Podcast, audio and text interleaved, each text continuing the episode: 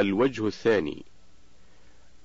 الإقامة في بلاد الكفار. السؤال ما حكم الإقامة في بلاد الكفار؟ ما حكم الإقامة في بلاد الكفار؟ الهامش الشيخ محمد بن عثيمين. الجواب الإقامة في بلاد الكفار خطر عظيم على دين المسلم وأخلاقه وسلوكه وآدابه، وقد شاهدنا وغيرنا انحراف كثير ممن أقاموا هناك فرجعوا بغير ما ذهبوا به، رجعوا فساقا وبعضهم رجع مرتدا عن دينه وكافرا به وبسائر الأديان والعياذ بالله. حتى صاروا إلى الجحود المطلق والاستهزاء بالدين وأهله السابقين منهم واللاحقين ولهذا كان ينبغي بل يتعين التحفظ من ذلك ووضع الشروط التي تمنع من الهوى في تلك من الهوى آه، في تلك المهالك.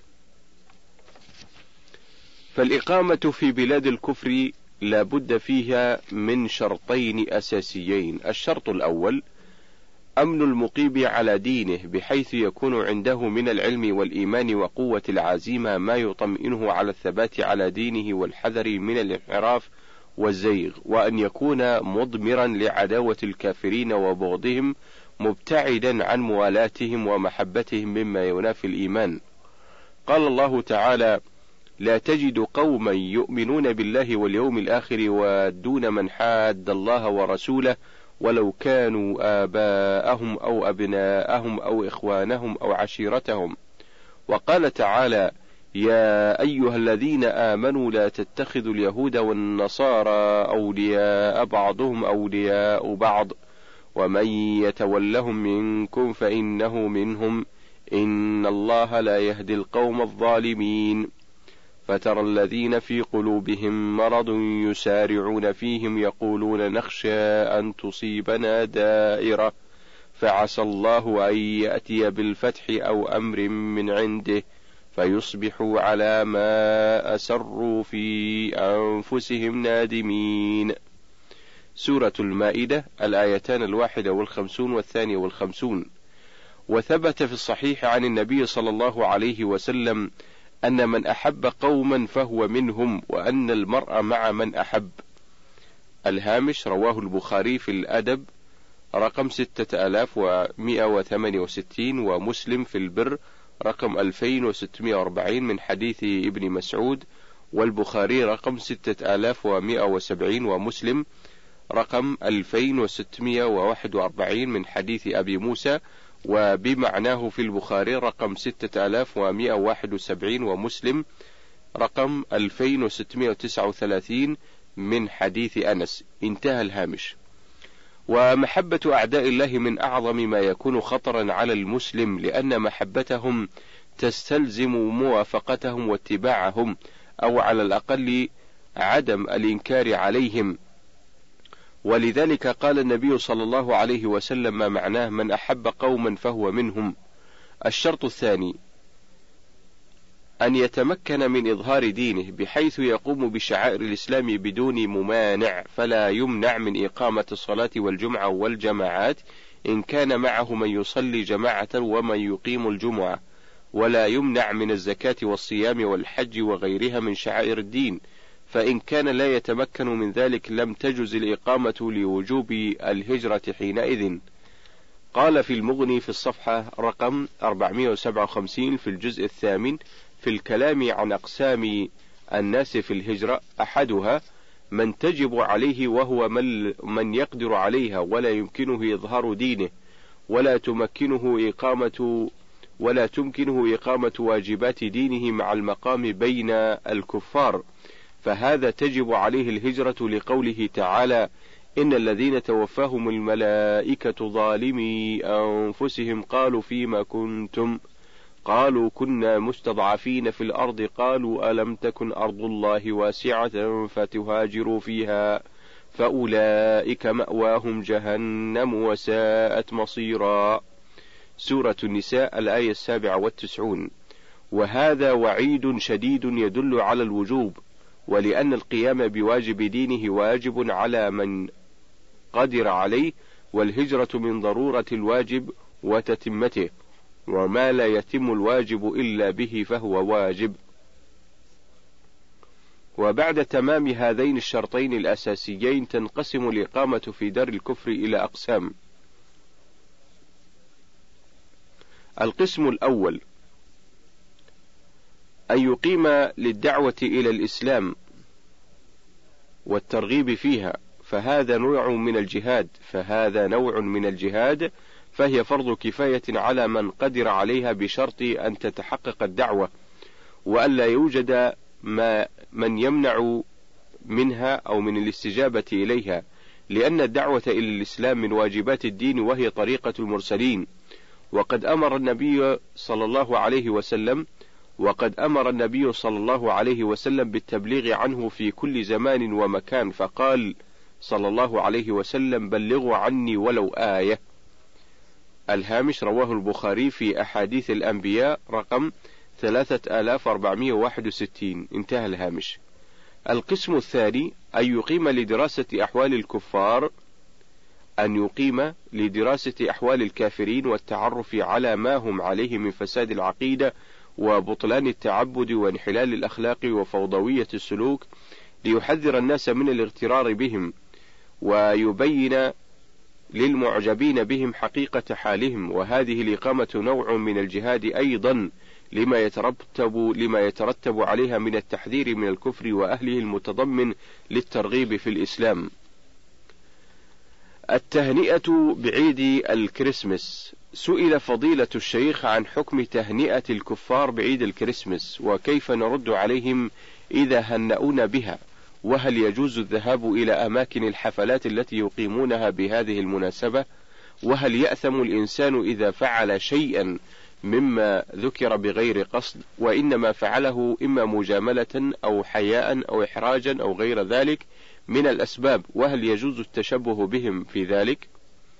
فأجاب فضيلته بقوله تهنئة الكفار بعيد الكريسماس أو غيره من أعيادهم الدينية حرام بالاتفاق كما نقل ذلك ابن القيم رحمه الله في كتابه أحكام أهل الذمة حيث قال وأما التهنئة بشعائر الكفر المختصة به فهو فحرام بالاتفاق مثل أن يهنئهم بأعيادهم وصومهم فيقول عيد مبارك عليك أو آه، تهنأ بهذا العيد ونحوه. فهذا إن سلم قائله من الكفر فهو من المحرمات وهو بمنزلة أن يهنئه بسجوده للصليب. بل ذلك أعظم إثما عند الله وأشد مقتا من التهنئة بشرب الخمر وقتل النفس وارتكاب الفرج الحرام ونحوه. وكثير مما لا قدر للدين عنده وكثير ممن لا قدر للدين عنده يقع في, في ذلك. ولا يدري قبح ما فعل فمن هنا فمن هنأ عبدا بمعصية أو بدعة أو كفر فقد تعرض لمقت الله وسخطه. انتهى كلامه رحمه الله. وإنما كانت تهنئة الكفار بأعيادهم الدينية حراما وبهذه المثابة التي ذكرها ابن القيم لأن فيها إقرارا لما هم عليه من شعائر الكفر ورضا به لهم وإن كان هو لا يرضى بهذا الكفر لنفسه لكن يحرم على المسلم أن يرضى بشعائر الكفر أو آه، يهنئ بها غيره لأن الله تعالى لا يرضى بذلك كما قال الله تعالى كما قال الله تعالى إن تكفروا فإن الله غني عنكم ولا يرضى لعباده الكفر وإن تشكروا يرضه لكم. سورة الزمر الآية السابعة. وقال تعالى اليوم أكملت لكم دينكم وأتممت عليكم نعمتي ورضيت لكم الإسلام دينا. سورة المائدة الآية الثالثة. وتهنئتهم بذلك حرام سواء كانوا مشاركين للشخص في العمل أم لا. وإذا هنؤونا بأعيادهم فإننا لا نجيبهم على ذلك لأنها ليست بأعياد لنا. ولأنها أعياد لا يرضاها الله تعالى لأنها إما مبتدعة في دينهم وإما مشروعة لكن نسخت بدين الإسلام الذي بعث الذي بعث الله به محمدا صلى الله عليه وسلم إلى جميع الخلق وقال فيه ومن يبتغي غير الإسلام دينا فلن يقبل منه وهو في الآخرة من الخاسرين. سورة آل عمران الآية الخامسة والثمانون. وإجابة المسلم دعوتهم بهذه المناسبة حرام. لأن هذا أعظم من تهنئتهم بها لما في ذلك من مشاركتهم فيها. وكذلك يحرم على المسلمين التشبه بالكفار بإقامة الحفلات بهذه المناسبة أو تبادل الهدايا أو توزيع الحلوى أو أطباق الطعام أو تعطيل الأعمال ونحو ذلك. لقول النبي صلى الله عليه وسلم من تشبه بقوم فهو منهم رواه الإمام أحمد في مسنده في الجزء الثاني. في الصفحتين الخمسين والثانية والتسعين. انتهى الهامش. قال شيخ الإسلام ابن تيمية في كتابه اقتضاء الصراط المستقيم مخالفة أصحاب الجحيم. مشابهتهم في بعض أعيادهم توجب سرور قلوبهم بما هم عليه من الباطل وربما أطمعهم ذلك في انتهاز الفرص واستذلال الضعفاء. انتهى كلامه رحمه الله. ومن فعل شيئا من ذلك فهو آثم سواء فعله مجاملة أو توددا أو حياء أو لغير ذلك من الأسباب لأنه من المداهنة في دين الله ومن أسباب تقوية نفوس الكفار وفخرهم بدينهم.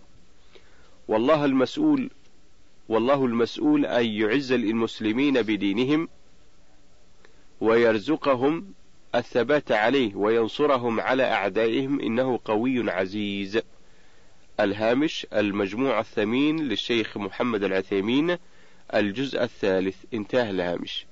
تهنئة الكافر. السؤال فضيلة الشيخ محمد بن صالح العثيمين السلام عليكم ورحمة الله وبركاته. هل يجوز لي أن أذهب إلى قس لأهنئه بسلامة الوصول والعودة؟ الجواب لا يجوز الذهاب إلى أحد من الكفار عند قدومه للتهنئة بوصوله والسلام عليه. لأنه ثبت عن النبي صلى الله عليه وسلم أنه قال لا تبدأ اليهود ولا النصارى بالسلام. الهامش رواه مسلم في السلام رقم 2167 انتهى الهامش. وأما ذهاب النبي صلى الله عليه وسلم لليهودي الذي كان مريضا فإن هذا اليهودي كان غلاما يخدم النبي صلى الله عليه وسلم. فلما مرض عاده النبي صلى الله عليه وسلم ليعرض عليه الإسلام فعرضه عليه فأسلم. فأين هذا الذي يعوده ليعرض عليه الإسلام من شخص زار قسا ليهنئه بسلامة الوصول ويرفع معنويته؟ لا يمكن أن يقيس هذا على ذاك إلا جاهل أو صاحب هوى. انتهى الهامش. الهامش فتاوى الشيخ ابن عثيمين الجزء الأول. انتهى الهامش. السلام على الكافر. السؤال في هذه الأيام ونتيجة للاحتكاك مع الغرب والشرق وغالبه وغالبهم من الكفار على اختلاف ملالهم نراهم يرددون تحية الإسلام علينا حينما نقابلهم في أي مكان فماذا يجب علينا تجاههم؟ الجواب ثبت عن رسول الله صلى الله عليه وسلم أنه قال لا تبدأ اليهود ولا النصارى بالسلام وإذا, لقيت وإذا لقيتموهم في طريق فاضطروهم إلى أضيقه. الهامش رواه مسلم في السلام رقم 2167 انتهى الهامش. وقال صلى الله عليه وسلم إذا سلم عليكم أهل الكتاب فقولوا عليكم. الهامش متفق عليه رواه البخاري في الاستئذان رقم 6258 ومسلم في السلام رقم 2163 انتهى الهامش. وحكم وأهل الكتاب هم اليهود والنصارى وحكم بقية الكفار حكم اليهود والنصارى في هذا الأمر لعدم لعدم الدليل على الفرق فيما نعلم. فلا يبدأ الكافر بالسلام مطلقا ومتى بدأ هو بالسلام وجب الرد عليه بقولنا وعليكم امتثالا لأمر الرسول صلى الله عليه وسلم ولا مانع من أن يقال له بعد ذلك كيف حالك وكيف أولادك كما أجاز ذلك بعض أهل العلم ومنهم شيخ الإسلام ابن تيمية ومنهم شيخ الإسلام ابن تيمية رحمه الله ولا سيما إذا اقتضت المصلحة الإسلامية ذلك كترغيبه في الإسلام وإيناسه بذلك. ليقبل الدعوة ويصي لها لقول الله عز وجل ادع إلى سبيل ربك بالحكمة والموعظة الحسنة والموعظة الحسنة وجادلهم بالتي هي أحسن. سورة النحل الآية الخامسة والعشرون بعد المئة. وقوله سبحانه ولا تجادل ولا تجادل أهل الكتاب إلا بالتي هي أحسن إلا الذين ظلموا منهم. سورة العنكبوت الآية السادسة والأربعون. الهامش فتاوى إسلامية للشيخ بن باز الجزء الأول رقم 118 انتهى الهامش. السؤال سئل فضيلة الشيخ أعلى الله درجته في دار كرامته هل يجوز لنا أن نبدأ الكفار بالسلام؟ وكيف نرد عليهم إذا سلموا علينا؟ فأجاب بقوله إن هؤلاء الذين يأتوننا من الشرق ومن الغرب ممن ليسوا مسلمين لا يحل لنا أن نبدأهم بالسلام لأن النبي صلى الله عليه وسلم قال لا تبدأ اليهود ولا النصارى بالسلام. الهامش رواه مسلم في الصحيح في السلام رقم 2167 انتهى الهامش. وإذا سلموا علينا فإننا نرد عليهم بمثل ما سلموا علينا به لقول الله تعالى وإذا حييتم بتحية فحيوا بأحسن منها أو ردوها. سورة النساء الآية السادسة والثمانون. وسلامهم علينا بالتحية الإسلامية. السلام عليكم. لا يخلو من حالين. الحال الأول أو الحال الأولى أن يفصحوا باللام فيقولوا السلام عليكم فلنا أن نقول عليكم السلام ولنا أن نقول وعليكم الحال الثانية إذا لم يفصحوا باللام مثل أن يقولوا السلام عليكم فإننا نقول وعليكم فقط. وذلك لأن اليهود كانوا يأتون إلى رسول الله صلى الله عليه وسلم فيسلمون عليه بقولهم السام عليكم.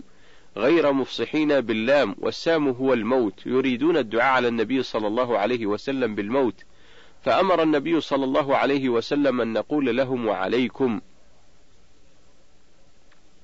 الهامش رواه البخاري في الاستدان رقم 6256 ورواه مسلم في السلام رقم 2165 انتهى الهامش. فإذا كانوا قالوا السام عليكم فإننا نقول وعليكم يعني أنتم أيضا عليكم السام. هذا هو ما دلت عليه السنة. وأما أن نبدأهم نحن بالسلام فإن هذا قد نهانا عنه نبينا صلى الله عليه وسلم.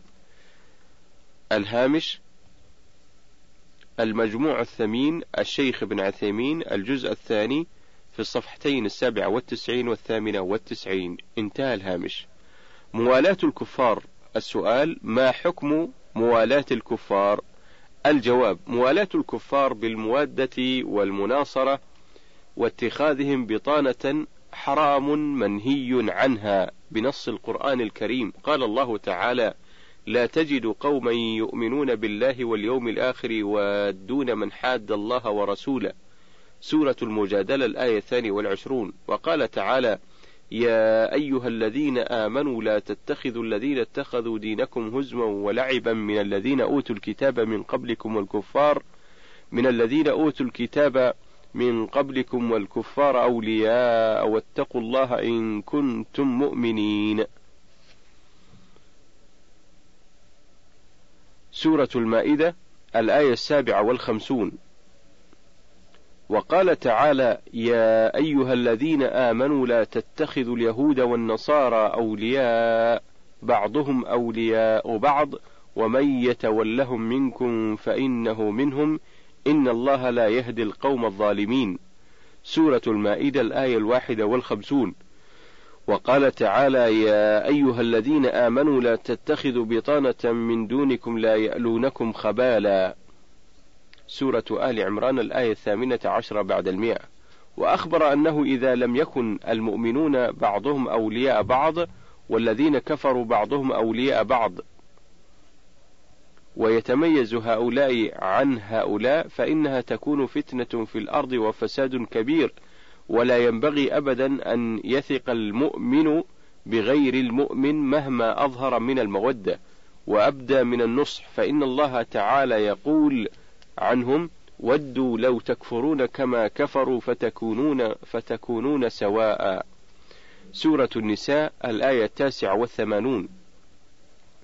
ويقول سبحانه لنبيه صلى الله عليه وسلم ولن ترضى عنك اليهود ولا النصارى حتى تتبع ملتهم سورة البقرة الآية العشرون بعد المئة.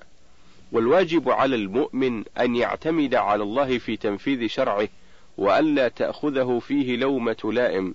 وألا يخاف من أعدائه فقد قال الله تعالى إنما ذلكم الشيطان يخوف أولياءه فلا تخافوهم وخافون إن كنتم مؤمنين.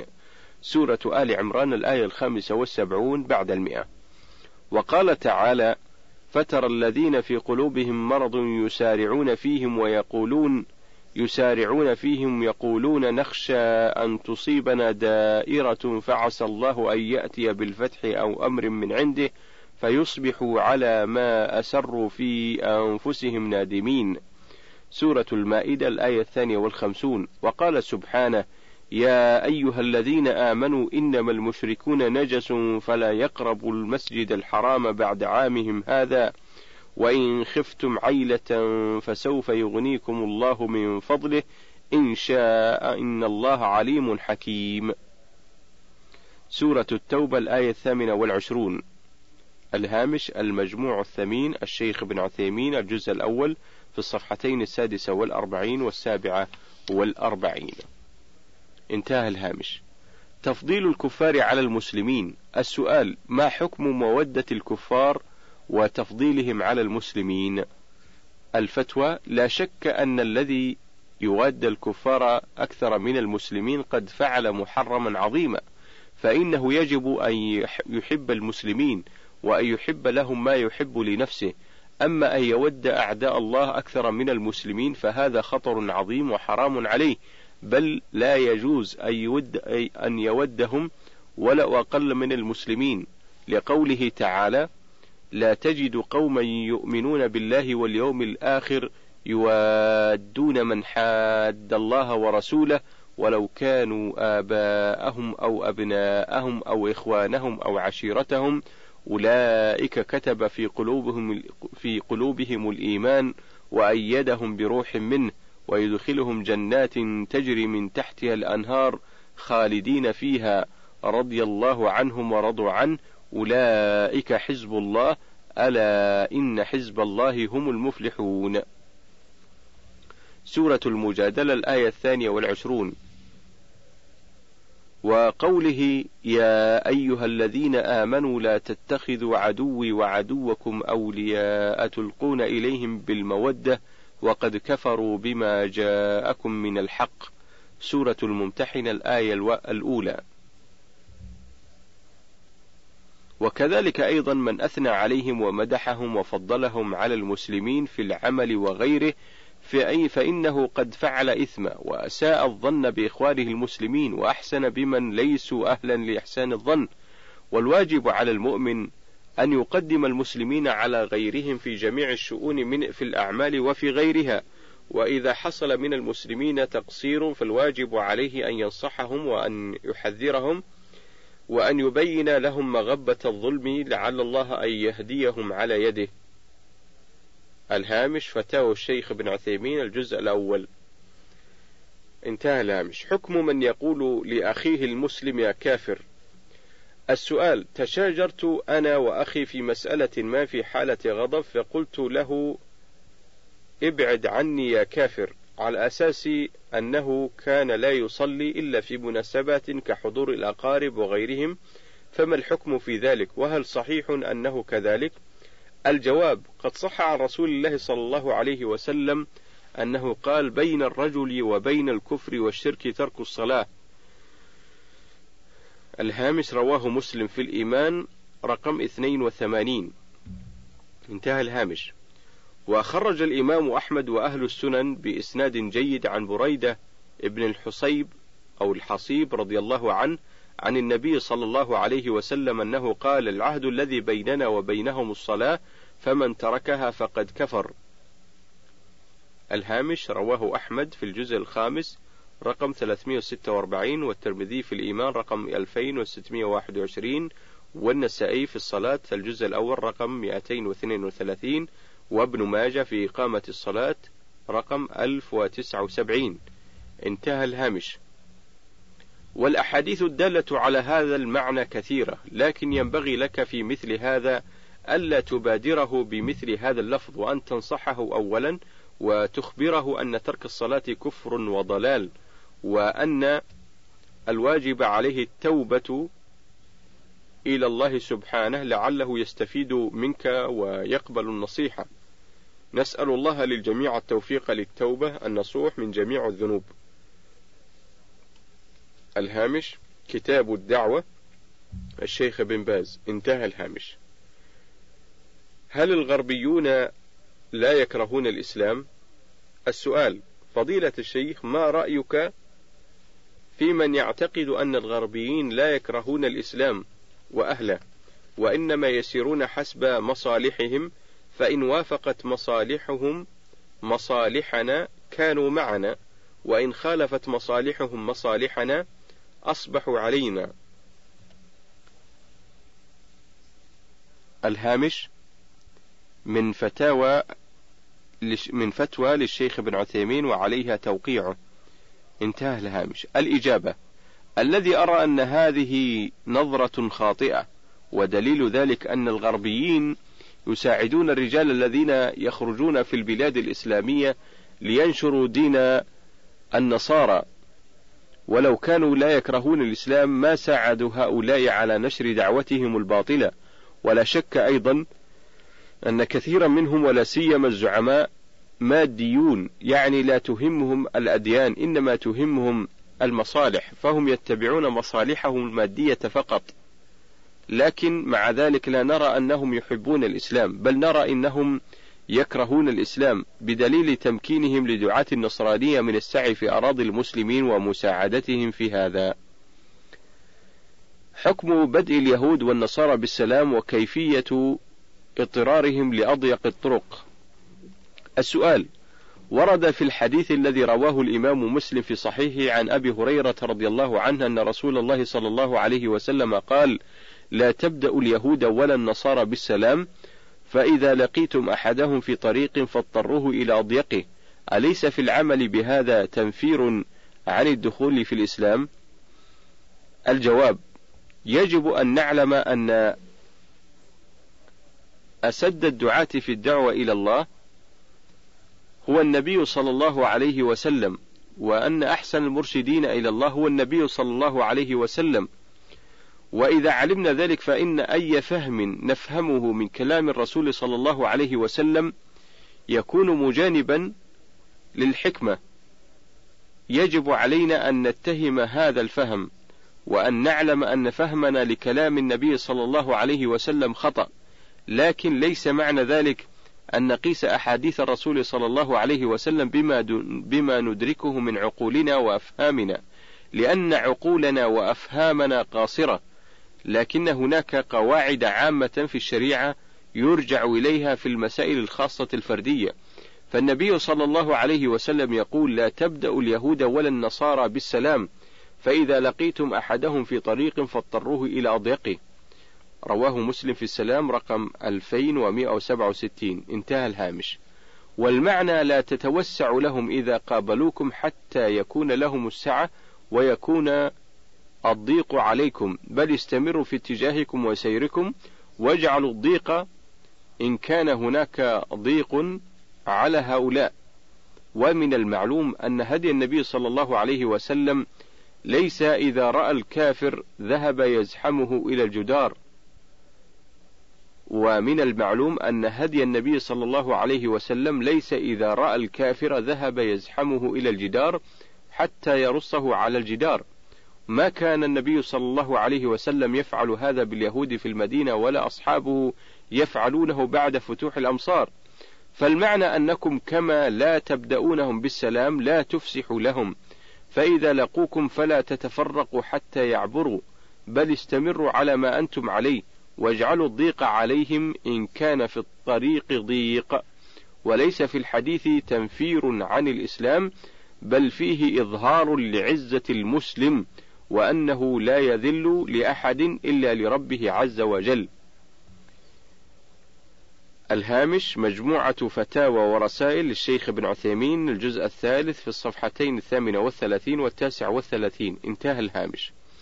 الضابط في مسألة التشبه بالكفار. السؤال ما هو الضابط في مسألة التشبه التشبه بالكفار؟ الجواب التشبه بالكفار يكون في المظهر واللباس والمأكل وغير ذلك لأنها كلمة عامة ومعناها أن يقوم الإنسان بشيء يختص به الكفار بحيث يدل من رآه أنه من الكفار وهذا هو الضابط. أما إذا كان الشيء قد شاع بين المسلمين وصار عاما بين المسلمين والكفار فإن التشبه, فإن التشبه يجوز. وإن كان أصله مأخوذا من الكفار ما لم يكن محرما لعينه كلباس الحرير.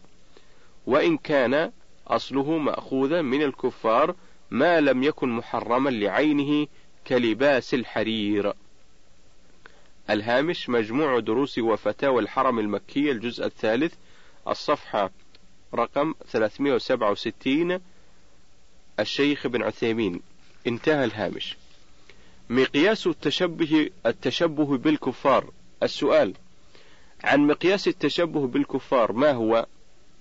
الجواب مقياس التشبه أن يفعل المتشبه ما يختص به المتشبه به. فالتشبه بالكفار أن يفعل المسلم شيئا من خصائصهم أما ما انتشر بين المسلمين وصار لا يتميز به الكفار فإنه لا يكون تشبها فلا يكون حراما من أجل أن تشب أنه تشبه إلا أن يكون محرما من جهة أخرى. وهذا الذي قلناه هو مقتضى مدلول هذه الكلمة وقد صرح بمثله صاحب الفتح حيث قال في الصفحة رقم 262 في الجزء العاشر وقد كره بعض السلف لبس البرنس لأنه كان من لباس الرهبان وقد سئل مالك عنه فقال لا بأس به. قيل فإنه من لبوس النصارى قال كان يلبسها هنا. انتهى. قلت لو استدل مالك بقول النبي صلى الله عليه وسلم حين سئل ما يلبس ما يلبس المحرم فقال لا يل لا يلبس القميص. ولا السراويل ولا البرانس. الحديث لكان أولى. الهامش هذا الحديث رواه البخاري في العلم رقم 134 ومسلم في الحج الجزء الثاني رقم 1177 انتهى الهامش. وفي الفتح أيضا في الصفحة رقم 307 الجزء الأول وإن قلنا النهي عنها أي عن المياثر الأرجوان أو الأرجوان من أجل التشبه بالأعاجم فهو لمصلحة دينية لكن كان ذلك شعارهم حينئذ وهم كفار.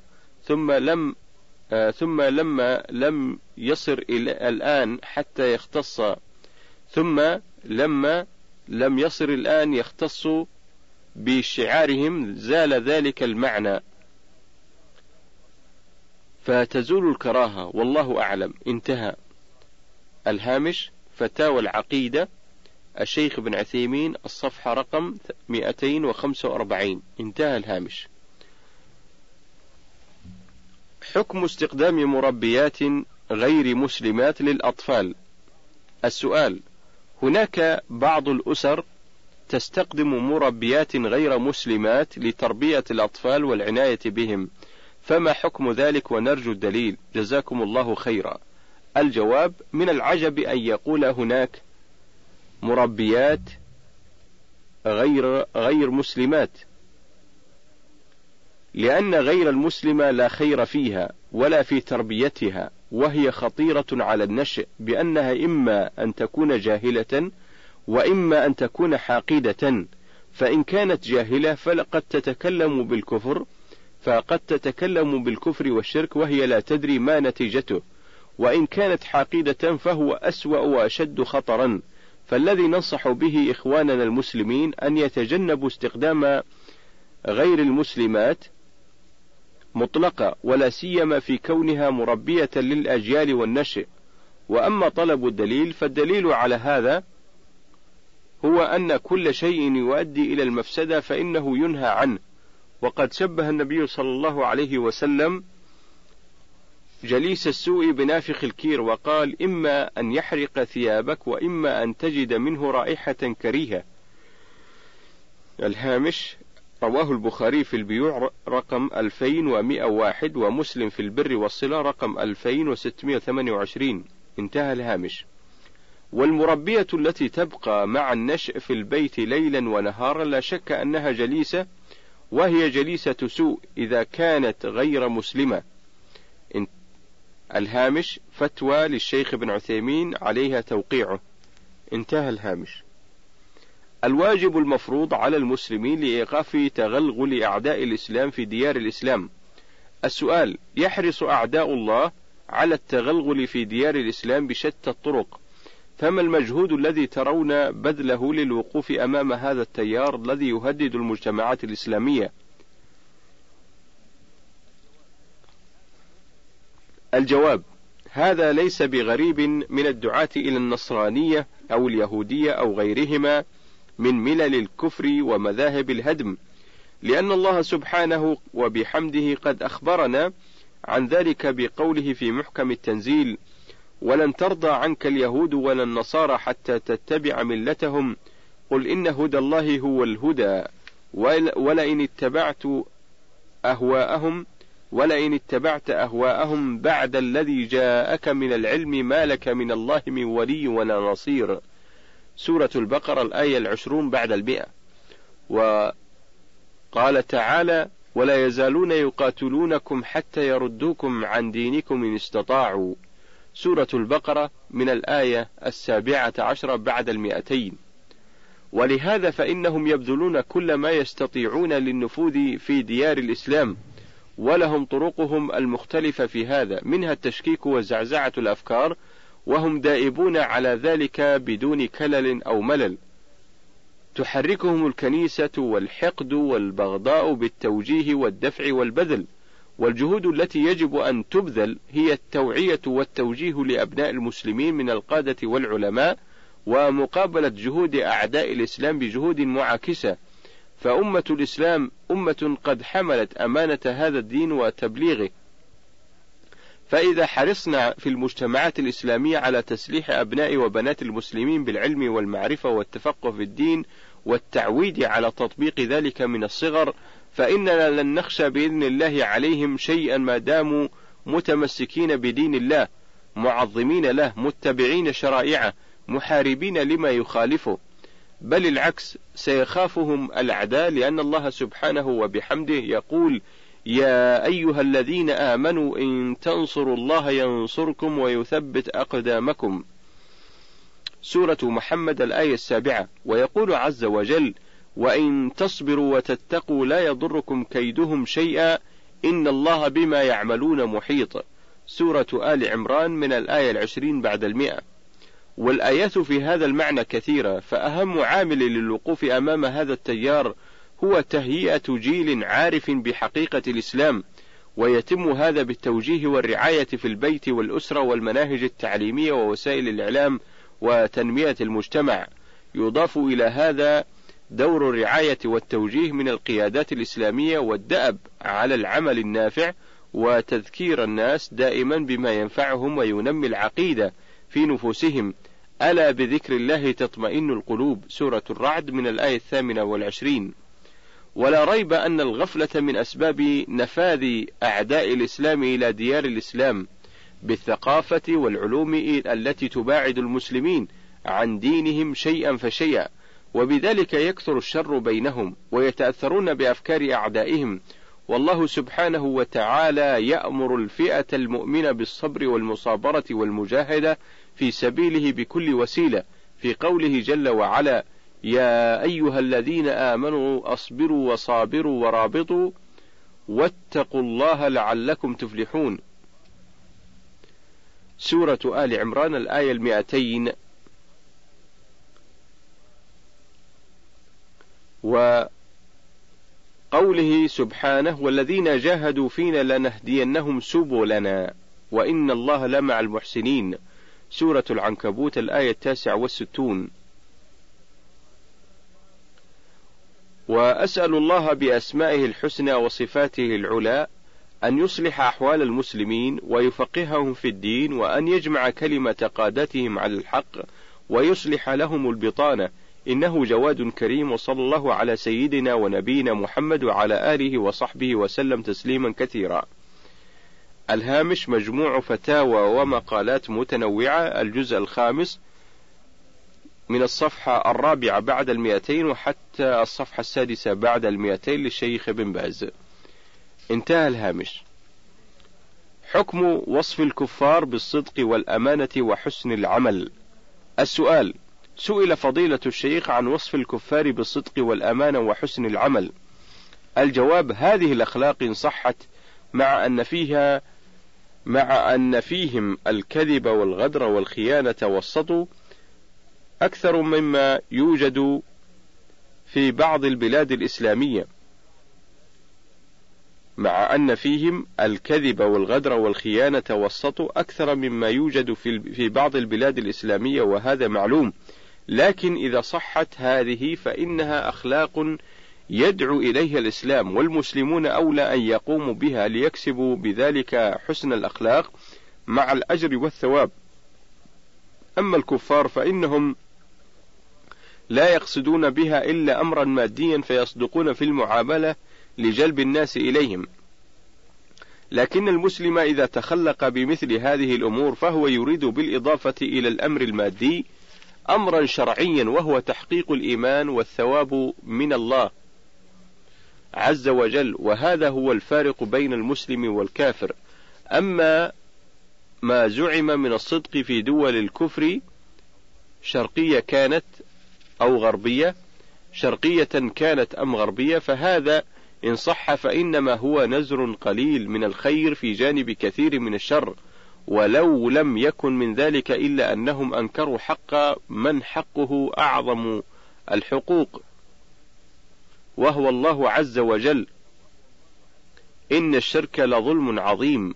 سورة لقمان من الآية الثالثة عشرة. فهؤلاء مهما عملوا من الخير فإنه نزر قليل مغمور في جانب سيئاتهم وكفرهم وظلمهم فلا خير فيهم. الهامش مجموع فتاوى ورسائل فضيلة الشيخ ابن عثيمين الجزء الثالث في الصفحتين الثالثة والعشرين والرابعة والعشرين. انتهى الهامش. وبهذا انتهى الشريط الثالث وننتقل إلى الشريط الرابع.